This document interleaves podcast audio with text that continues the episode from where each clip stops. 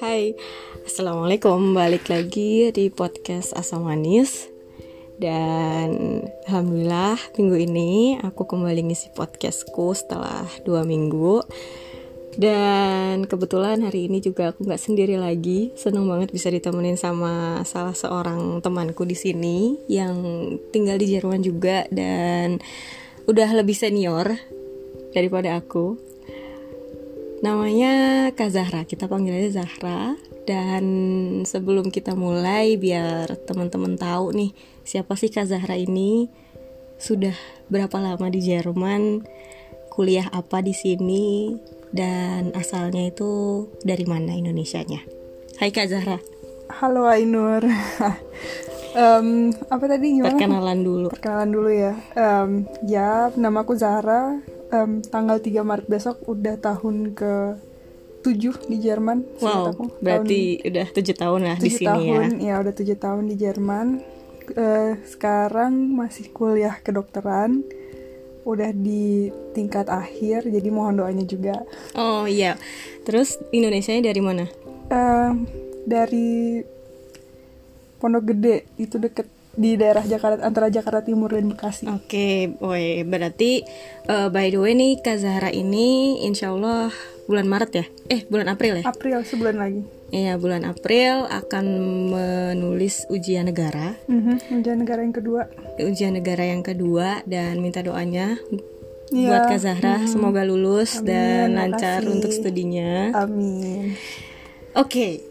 Uh, kali ini di episode kali ini aku pengen sedikit membahas sebuah tema istirahat, aku bisa bilang gitu. Karena gimana ya? Uh, seperti di episodeku yang pertama tentang medan perang mm. yang udah kita ya yang belum dengar coba dengerin dulu episodeku yang pertama mm-hmm. apa aja sih medan perang untuk mahasiswa rantau yang memang mengambil keputusan untuk uh, keluar dari rumah studi di luar negeri atau pokoknya di luar kota gitu ya. Dan pasti itu uh, berat menurutku juga strugglingnya. Mm-hmm. tapi apa ya uh, harus dilaluin gitu. Dan pasti ada masa-masa di mana kita tuh capek banget jenuh banget pengen pengen udahan pengen pulang tapi kita nggak bisa berhenti kita iya. nggak bisa berhenti dan kita nggak bisa ada hal yang bikin kita nggak bisa uh, apa ya langsung pulang gitu atau bahkan beneran stop di sini gitu mm-hmm. kita masih pengen untuk memperjuangkan mimpi kita tapi di masa itu atau di situasi itu kita lagi capek kita pengen berhenti nah. tapi kita nggak bisa berhenti yeah. nah Kak Zahra juga pengen tanya nih aku sekalian sharing juga yep. karena kebetulan aku juga lagi butuh motivasi juga oke okay. pasti kak Zahra bukan sering apa ya bukan pernah lagi tapi sering mengalami hal itu apalagi untuk kuliah kedokteran di sini itu kan lebih lama semesternya yep. mungkin juga lebih apa ya bisa dibilang bisa uh, lebih berat juga karena ya kalau udah dengar kata kedokteran apalagi di Jerman tuh kayak nggak punya kehidupan lain lah. Kehidupannya cuma buku buku buku perpus perpus perpus gitu. Ya. dan pastilah ya, ada ada capek pasti. Tapi nggak mungkin dong kayak kita tuh masih pengen berjuang gitu kak. Tapi kita capek gitu. Kita nggak mau berhenti. Tapi kita capek hmm. gitu. Kira-kira hmm. apa hal yang paling tepat atau um, iya benar hal yang paling tepat yang bakal kakak lakuin kalau di situasi yang kayak gitu. Pasti istirahat dong. Kalau eh pertama gini dulu deh. Aku tanya gimana cara kakak mengatasi situasi ketika kayak lagi jenuh tentang studinya? Homesick lah entah berat lah materinya entah banyak materinya atau gimana. Itu pasti capek banget. Itu hmm. si, itu cara kakak untuk ngatasin itu gimana? Yang pertama kalau menurut aku kalau udah memutuskan untuk melakukan sesuatu yang tujuannya jangka panjang dan butuh perjuangan pengorbanan yang sangat besar itu harus kita sadarin bahwa se berat apa pun perjuangannya hal yang paling penting tuh bukan cuma sekedar pengorbanannya atau perjuangannya atau kerja kerasnya, tapi istirahat itu adalah hal paling penting yang harus kita lakukan. Oke. Kenapa hal yang dinamakan istirahat ini sangat penting? Karena bayangin aja sebuah mobil yang terus-menerus dijalanin terus aja, lama-lama aus sendiri kan. Mm-mm. Harus ada yang diganti, harus nambah bensin, harus dikasih energi lagi. Sama aja misalkan kayak manusia juga kalau misalkan kita terus-terusan berjuang doang terus jenuh tetap dilanjutin berjuang terus berjuang terus gue harus kuat gue harus kuat lama-lama kita bakal out sendiri gitu istilahnya kita bakal kecapean Mm-mm. jadi hal yang penting juga dalam satu perjuangan kita harus bisa memutuskan kapan kita istirahat. Hmm. Oke. istirahat yang mencukupi yang optimal untuk melanjutkan perjalanan berikutnya dan perjuangan berikutnya itu penting istirahat. Jangan cuman duh gue harus belajar gue harus belajar gue nggak boleh main gue nggak main. Main boleh istirahat boleh tapi ada kadarnya. Itu yang disebut manajemen yang baik Oke. itu Hmm. hal yang pertama misalkan aku udah dalam keadaan jenuh gitu ya aku kuliah dari sekarang aku udah semester 10 Mm-mm. 10 apa 11 10 berarti aku udah lima tahun kuliah kedokteran gitu yang mana emang panjang banget Mm-mm. lima tahun gak sih ya gitu tahun. ya, enam tahun. Totalnya Ta- tahun. tahun ini udah enam tahun Em, pastilah ada yang namanya jenuh pasti ada yang namanya aku muak banget namanya ngeliat buku Mm-mm. Jadi pasti hal yang pertama aku lakuin adalah aku istirahat, ngambil waktu untuk diriku. Aku melakukan apa yang menurut aku refreshing untuk otakku, untuk hatiku, untuk pikir, ya semualah tubuhku gitu. Setiap orang punya cara istirahat yang berbeda-beda. Jadi intinya pertama kamu mengenali Dirimu sendiri diri dulu. sendiri, maunya apa, butuhnya apa, Mm-mm. kayak gitu ada orang yang introvert misalkan dia nggak mau istirahat yang harus ketemu banyak orang dia lebih sendi- lebih kayak aku mau sendiri aja itu bisa meningkatkan energinya lagi Mm-mm. ada orang yang kayak hmm, aku butuh olahraga Mm-mm. nah kalau aku pribadi dalam kehidupan perjuangan ini selama kuliah itu dinamis sebenarnya ada masa di mana ketika aku jenuh itu aku harus banget liburan keluar kota Traveling gitu ya. traveling misalkan ke kota-kota sebelah tetangga. Mm-mm. Ada saat di mana aku ngerasa aku sekarang butuhnya adalah olahraga. Aku nggak butuh traveling, tapi aku butuh badanku bergerak olahraga gitu, berenang, badminton, atau yang bisa aku lakuin basket atau apa. Mm-mm. Ada saatnya aku ngerasa aku cuman pengen di rumah doang dan nonton. Jadi bentuk istirahat itu bisa macam-macam. Atau misalkan kayak ada temenku juga caranya gue istirahat itu dengan cara berorganisasi. Di situ dia mengeluarkan semua um, kejenuhannya dia dengan cara berinteraksi dengan orang lain, dengan cara dia mengatur organisasinya atau segala macam. Jadi kayak balik lagi lu butuhnya apa pada saat itu.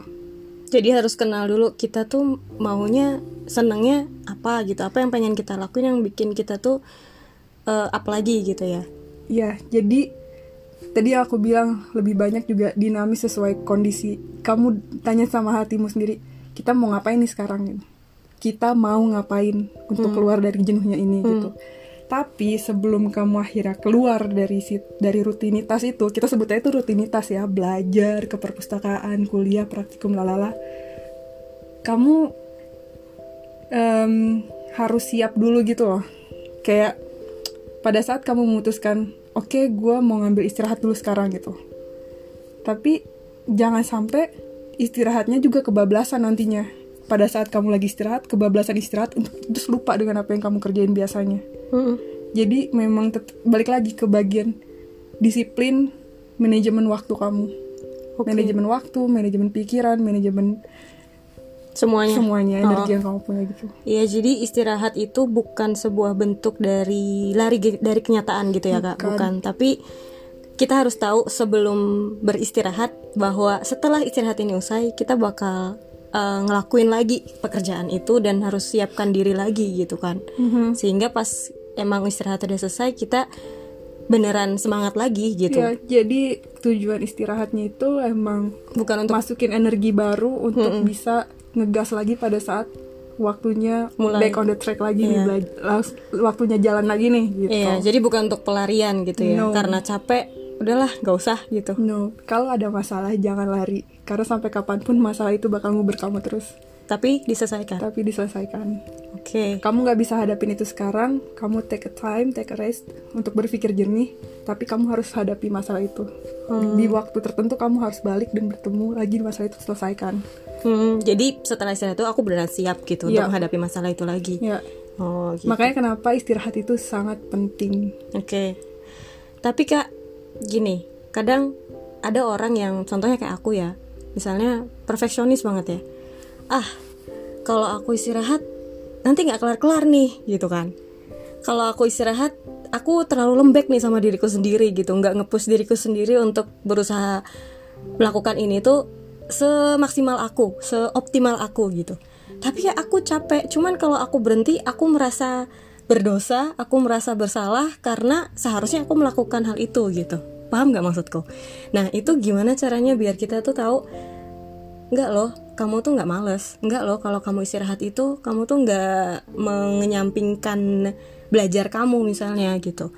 Tapi kamu hanya butuh waktu untuk bisa semangat lagi gitu. Kadang orang-orang yang perfeksionis kan gitu ya kak, kayak aku harus dapet nilai perfect gitu. Kalau di sini kan 1,0 gitu ya. Ya gimana caranya biar dapet 1,0? Belajar 24 jam kah? Atau tidur cuma 2 jam kah? Atau gimana gitu? Kayak yang ya mungkin ada beberapa temen yang melakukan hal itu dan berhasil gitu. Dan kalau misalkan aku nggak ngelakuin hal yang dia lakuin aku nggak akan dapet nilai sebagus dia gitu. Dia udah belajar segitu tidurnya cuma dua jam masa aku harus take a break? Paham nggak maksudku? Kalau orang yang perfeksionis kan mikirnya gitu kan. Nah itu gimana untuk mencegah ada pikiran yang seperti itu? Pikiran seperti itu sebenarnya nggak 100% sehat sih hmm. pada saat kamu memaksakan dirimu untuk terus jalan terus eh, berlari kayak gitu padahal kamu tahu kamu lagi kecapean atau lelah Mm-mm. itu bisa bahaya untuk ke depannya bisa jadi kamu bener-bener em, tanda kutip rusak gitu jadinya jadi pada satu saat kamu bener-bener yang kelelahannya tuh super lelah dan kamu nggak bisa bangun lagi mungkin yang orang bilang em, mental apa namanya Mental- blackout Hmm. Yang blackout Blackout. blackout gitu Hmm, burn jadi ya burnout blackout burnout ya udahlah itu istilah psikologi Em, kalau menurut aku sih balik lagi intinya kamu kenal limit kamu Hmm. dan kalau tadi yang aku dengar dari cerita kamu itu kan kamu karena aku sering gitu kak kadang Ya. kalau aku mau istirahat gitu ya kalau lagi ujian atau apa kayak kalau istirahat ini materi masih banyak nih gitu. Kalau istirahat ini kapan kelar nih? Sedangkan biasanya kalau sebelum ujian kan aku selalu bikin planning kan. Tanggal sekian tanggal sekian selesai modul ini belajar. Tanggal sekian tanggal sekian selesai materi ini bab ini gitu. Kalau aku take a break dia bakal mundur nih. Ngerti gak? Jadi nggak sesuai planning aku gitu. Ya sebenarnya memang plan itu kayak fleksibel ya, bisa berubah-berubah gitu dalam kenyataannya. Tapi kadang orang yang memang beneran ya perfeksionis banget tuh seperti itu gitu. sebenarnya kalau aku pribadi ya Mm. target plan itu nggak bisa diubah Nah. yang bisa diubah adalah prosesnya menuju Oke. ke sana Hmm. pilihan menuju ke sana targetku tanggal segitu aku ujian oke belajarku begini-begini mungkin aku bilang bakal kayak ya aku akan belajar tiap hari 3 jam 3 jam ya 5 jam pada kenyataannya 5 jam 5 jam 5 jam gitu tapi pada perjalanannya ada waktu-waktu di mana aku belajar bisa fleksibel. Hari itu aku belajar bener-bener tok belajar 5 jam. Ada yang aku belajar dengan buku doang ada yang belajar dengan lain. Tapi itu bisa fleksibel prosesnya. Hmm. bisa di tengah jalan kayak aku udah belajar ini kemarin dan buat aku udah cukup aku take a break hari ini. Jadi menurut aku Prosesnya yang prosesnya fleksibel. jadi kamu meng apa ya adaptasi apa bahasanya kayak kayak ngepasin sama diri ngepasin kamu ya sendiri. unpasin Heeh. Kamu Iya, ada orang unpasin. dengan kegiatan sehari-hari Iya. kamu gitu loh tapi target sial atau tujuannya itu Jangan berubah. ya terarah terukur Heeh. dan tidak usah diubah-ubah udah di situ sialnya Oh, berarti yang diubah adalah cara kita untuk mencapai target yang Iya. udah kita tentukan itu Ya, ya. jadi istilahnya dalam perjalanan untuk mencapai target itu dalam waktu sekian terukur belajarnya gimana, apa yang harus dikerjain, eh, modulnya ada apa aja, titik- eh, poin-poin yang share punktunya atau titik-titik pelajarannya harus dikerjain apa. jangan sampai pada saat ketemu batu sandungan terus kamu ngerasa jenuh kamu diem di situ terus ya diem gitu. Maksudnya kayak kamu nggak duih kamu nggak lanjut gitu. Mm-mm. ada saatnya pada saat kamu ketemu batu itu kamu istirahat. Tapi istirahat itu bukan berarti kamu diem. Bisa jadi itu adalah umwek untuk kamu akhirnya bisa maju ke berikutnya. Hmm. jadi itu yang aku bilang istirahat itu juga penting. Oke. tapi tahu sejauh mana kamu harus istirahat sampai kapan kamu harus istirahat. Mm-mm. karena ada target yang terukur Iya. Dan yang ngerti-ngerti. Iya. Dan yang penting juga eh, harus tahu gitu kalau setelah istirahat ini aku harus balik harus lagi lanjut bekerja lagi, karena Heeh. target kita masih di depan Iya, iya, iya. jalanan kita aja yang muter-muter dikit belok kanan Iya, jadi belok jangan lari dari kenyataan lah gitu kan. kiri. jangan sampai jalan yang harusnya kamu nyampe di A pada tanggal 1 kamu mundurin A itu jadi tanggal 10 Aku sering gitu tuh. Itu hanya akan membuat semua perjalanan ini jadi makin makin panjang dan makin Iya, sulit iya. Iya, jadi cara kita untuk mencapai target yang harus fleksibel, harus di ya dipasin sama diri Artinya kita dipasin sendiri. ya dipasin Oh. dengan kondisi sehari-hari gitu tapi itu tadi terukur jelas apa yang harus dikerjain manajemen Kayak manajemen waktu sama belajarnya gitu. Iya, diatur dan harus disiplin sampai ke situ. Oke. Wah. Jadi Intinya harus disiplin, manajemen waktu. Dengan kayak gitu, kamu punya waktu yang cukup untuk istirahat, untuk balik- balikin energi kamu dan semua tercapai dengan dengan ya target yang target yang sesuai. udah sesuai. itu kalau kamu nanya ke aku, Hmm. aku akan jawab kayak gitu. Nggak tahu orang lain kan punya caranya masing-masing. Iya. Tapi sejauh ini itu yang aku lakuin terhadap Apa yang apa yang aku jalanin. Hmm, hmm, hmm. Ya karena aku juga tahu Kak Zahra ini kan orangnya terorganisir semua. Iya. Iya. Jadi nggak bisa kalau nggak semuanya diorganisir dari awal dia tuh kacau. Iya. ya ya ya, aku juga tipe yang kayak gitu kak. Aku selalu bilang aku itu orangnya fleksibel tapi terukur. Ya. Jadi semua yang aku kerjain aku tahu mau ke mana tujuannya, targetnya apa, kapan harus aku lakuin. Jadi pada saat orang ngajak, Za liburan yuk, ayo. Tapi ujian tetap jalan, praktikum tetap jalan, semester tetap jalan. Ya masalah-masalah juga ada, tapi tetap kayak semua udah ada porsinya masing-masing, waktunya masing-masing, energinya masing-masing. Bahkan istirahat pun ada masanya. Aku butuh istirahat. Jadi aku sendiri balik lagi aku harus mengenali sampai mana limit aku Oke. sampai mana batasan aku kuat untuk misalkan belajar aku ngerasa udah capek udah nggak bisa ya jangan dipaksain. Sesuatu yang dipaksakan itu akhirnya nggak baik. Jadi mendingan jangan terlalu memforsir. Kalau nggak mau memforsir kayak sistem kebut semalam untuk ujian maka dari jauh-jauh hari sedikit demi sedikit. Hmm. gitu loh. Ya ya. Apalagi kalau untuk ya kedokteran kan pasti materinya banyak banget kan. Kak. Jadi ini bisa jadiin tips juga ya buat anak-anak kedokteran mungkin yang di luar sana yang materinya seabrek.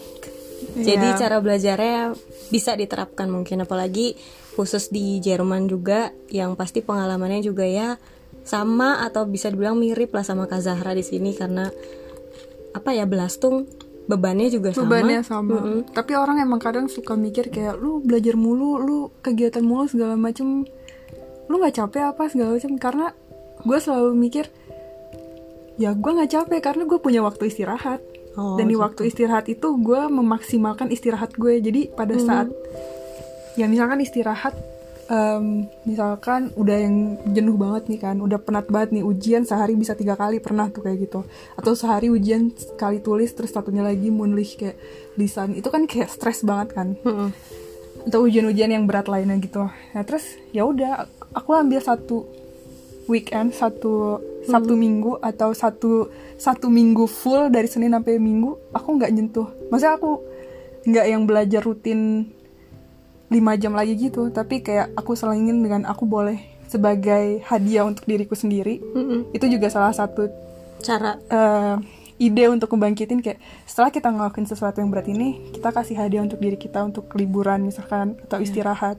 Atau kayak lu em Ferdin kamu pantas dapetin kamu pantas itu. dapetin em, misalkan aku lagi kepengen jalan-jalan misalkan ke Belgia atau Turki. Setelah aku kerja keras kerja nyari duit belajar juga kuliah praktikum ujian semua dikerjain. Saatnya sekarang ngambil liburan. Mm. dua hari tiga hari empat hari lima hari terserah. Tapi nanti begitu pulang balik lagi. Belajar lagi yang fokus lagi ke situ. Curahin lagi semua ke situ. Tapi pada saat liburan jangan kayak bener-bener lepasin semuanya gitu dari rutinitas. Lupain dulu semuanya kayak gitu jadi kayak menempatkan sesuatu pada tempatnya gitu lah ya Mhm. Oke, dan ngomongin yang tadi kakak sempet bilang fokus juga nih kak. Mhm. Untuk fokus itu kadang gak gampang kalau ada sesuatu ya. yang mendistrak. Hmm. Itu gimana? Dan kalau aku sih kak ya, aku pernah nonton video di YouTube gitu. Ya. Kayak saran gitu. Jadi biar fokus itu misalnya nih yang mendistrak kita contohnya main handphone ya pas lagi belajar gitu ya. Mhm. ya udah gitu kayak em, apa ya aku harus tahu dulu eh, di saat itu kayak sekarang ini kamu mau ngelakuin apa nih? gitu. Misalkan belajar. Oke belajar. Tapi misalnya ada handphone nih yang ngedistrak kamu. Kamu bilang ke diri kamu sendiri untuk oke tiga jam ya belajar setelah tiga jam main handphone ya kayak gitu. Nah itu cara kamu biar fokus gitu karena di awal kamu tahu oke setelah tiga jam aku bakal main handphone gitu. Jadi nggak kepikiran handphonenya gitu. Kepikiran kayak gimana caranya aku bisa fokus apa bisa nyelesain tiga jam ini gitu. Gitu nggak sih? Atau kalau Kak Zahra gimana caranya? Kamu berhasil dengan cara itu ya kadang berhasil. Mhm. ada kadang. Karena eh, aku tahu kayak tujuannya gitu. Oke aku tuh eh, menenangkan diriku sendiri kayak setelah tiga jam aku berhenti dari belajar gitu. Dari HP dari enggak Oh, dari akso, ya, dari, dari ya, belajarnya. ya, ya, ya. nah setelah tiga jam itu dari belajarnya berhenti dan aku bisa main handphone. Jadi Berarti aku udah tahu batasannya gitu. Paham nggak? Ya, berarti itu kan tadi mirip-mirip sama apa yang aku omongin sebenarnya kan. Kamu tahu sampai bat terukur Mm-mm. kapan berhenti, kapan mulai, ya. apa yang kamu lakuin pada saat pause, hadiah apa yang kamu terima untuk diri kamu Nah, pada iya, saat kayak- istirahat mm, itu. mm, Berarti kan itu kayak semacam belonung iya buat diri kamu kayak kamu udah tiga jam belajar, kamu pantas, Pantas dapetin dapetin waktu itu. untuk uh, main HP. oke Sebenarnya kayak gitu sih. Itu Sama ya. contoh sederhananya nggak jauh beda menurut aku. oke berarti Cuman kalau tadi aku bilangnya sampai liburan berarti kayak ekstrim banget. Enggak well, semakin kalau aku semakin ekstrim masalahnya atau perjuangannya, berarti aku butuh semakin ekstrim istirahatnya kalau aku Ya, biasanya untuk pastilah. melepas itu. ya pasti gitu. wah wah oke Ya. Jadi buat teman-teman pasti pasti ini ngerasain jenuh, apalagi kuliah di luar negeri yang bahasanya aja udah beda. Terus harus berpikir dua kali karena misalnya harus mentranslate lah, terus harus paham ini maksudnya apa. Dan ya apalagi bahasa-bahasa di universitas itu kan kadang jauh lebih apa ya, lebih teratur gram- grammarnya dibanding bahasa sehari-hari gitu. Jadi ya perjuangan kita juga jadi lebih double dibanding orang lokal di sini kayak gitu. Jadi ya Jangan nggak salah gitu ya kalau istirahat dan Iya. jangan mikir kalau kita take a break itu kita berdosa atau merasa bersalah gitu nanti takut Karena- eh, tujuannya nggak kesampaian. Gini, satu lagi hal penting adalah selama kita menjalani proses ini tuh yang paling penting tuh bukan cuman pada saat lulus ya, bukan cuman ilmunya yang kita dapat, tapi kedewasaan kita dalam melakukan prosesnya itu. Benar. Dulu kita mungkin pada saat masih baru masuk nih, kan rasanya susah banget nih belajarnya gimana sih segala macam, tapi pada saat kita nanti udah selesai kuliah, itu kita tahu caranya berjuang tanda kutip. Bahwa berjuang itu nggak melulu cuman sekedar belajar belajar belajar doang tapi bagaimana kita bisa Memanage itu mendewasa ya. ber- mendewasakan diri untuk bisa melalui semua proses kehidupan dengan Iya, cara mengat manage diri kita gitu mengenal oh, diri kita terutama istirahat itu. Ya benar. karena kesehatan mental juga penting banget loh Iya dong. Kalau Iya itu dong, udah iya dong. Iya dong. Kalau itu udah kacau udah semuanya get niche. Gak Makanya bisa. kita butuh istirahat Ya. jangan sampai kita kelewat batas terus Iya. akhirnya drop Oke, oke. Jadi aku ambil konklusinya nih kak ya. Buat perfeksionis-perfeksionis di luar sana, termasuk aku, jangan merasa bersalah kalau kalian take a break. Kalau yang pertama kita harus tahu dulu limit kita sampai mana dan kapan kita harus istirahat. Kedua, sebelum istirahat kita harus tahu bahwa setelah istirahat kita bakal ngelakuin pekerjaan itu lagi, maksudnya melanjutkan perjuangan lagi dan istirahat itu bukan menjadi sebuah pelarian dari masalah gitu kan. Iya. Tapi memang beneran istirahat, me time, quality time gitu kan. Iya. Sehingga pas kita mulai lagi kita semangat lagi gitu. Iya betul. Terus apalagi Kak? Pokoknya tetap semangat ya Kak. Ya jangan sampai apa yang udah kita lakuin itu sebenarnya udah sangat panjang perjuangannya. Ya. Kita mungkin selalu ngeliat ke depan bahwa perjalanan kita tuh masih panjang banget dan gue capek. Kalau emang lo ngerasa capek, istirahat sebentar. Tapi jangan pernah mundur dari perjuangan itu atau lo pergi gitu aja ninggalin. Karena apa yang udah mulai, so please selesaikan. Iya, kalau kau ya pokoknya eh, harus semangat, Semangat terus. aja terus. Oke. Wah, makasih banget Kak Zahra. Ya. Semoga apa yang udah di-share sama Kak Zahra bisa bermanfaat buat eh, orang-orang di luar sana. Amin. Supaya makin banyak orang yang Semoga yang sehat banyak mentalnya. sehat mentalnya. Semakin banyak yang termotivasi, Termotivasi, juga ya. dan semoga yang lagi capek-capek di Bisa situasi mm-mm, capek lah bisa balik lagi dan kalian gak sendiri kok. Kita pernah ada di posisi kalian. Aku sering. Nah, benar. Tapi Dan ya itu. ya kita cuman me- apa ya membagikan gimana cara kita di saat apa yang kita lakukan gitu di saat kita di posisi seperti itu gitu. Jadi kalian gak sendiri kok. Yang lagi capek-capek sekarang pasti akan terlaluin gitu. Semoga apa yang kita share di sini bisa bermanfaat untuk kalian semua dan semoga kalian tetap semangat. Kalau gitu sampai di sini dulu. Aku dan Kak Zahra pamit dan sampai ketemu di episode selanjutnya. Selamat malam. Assalamualaikum.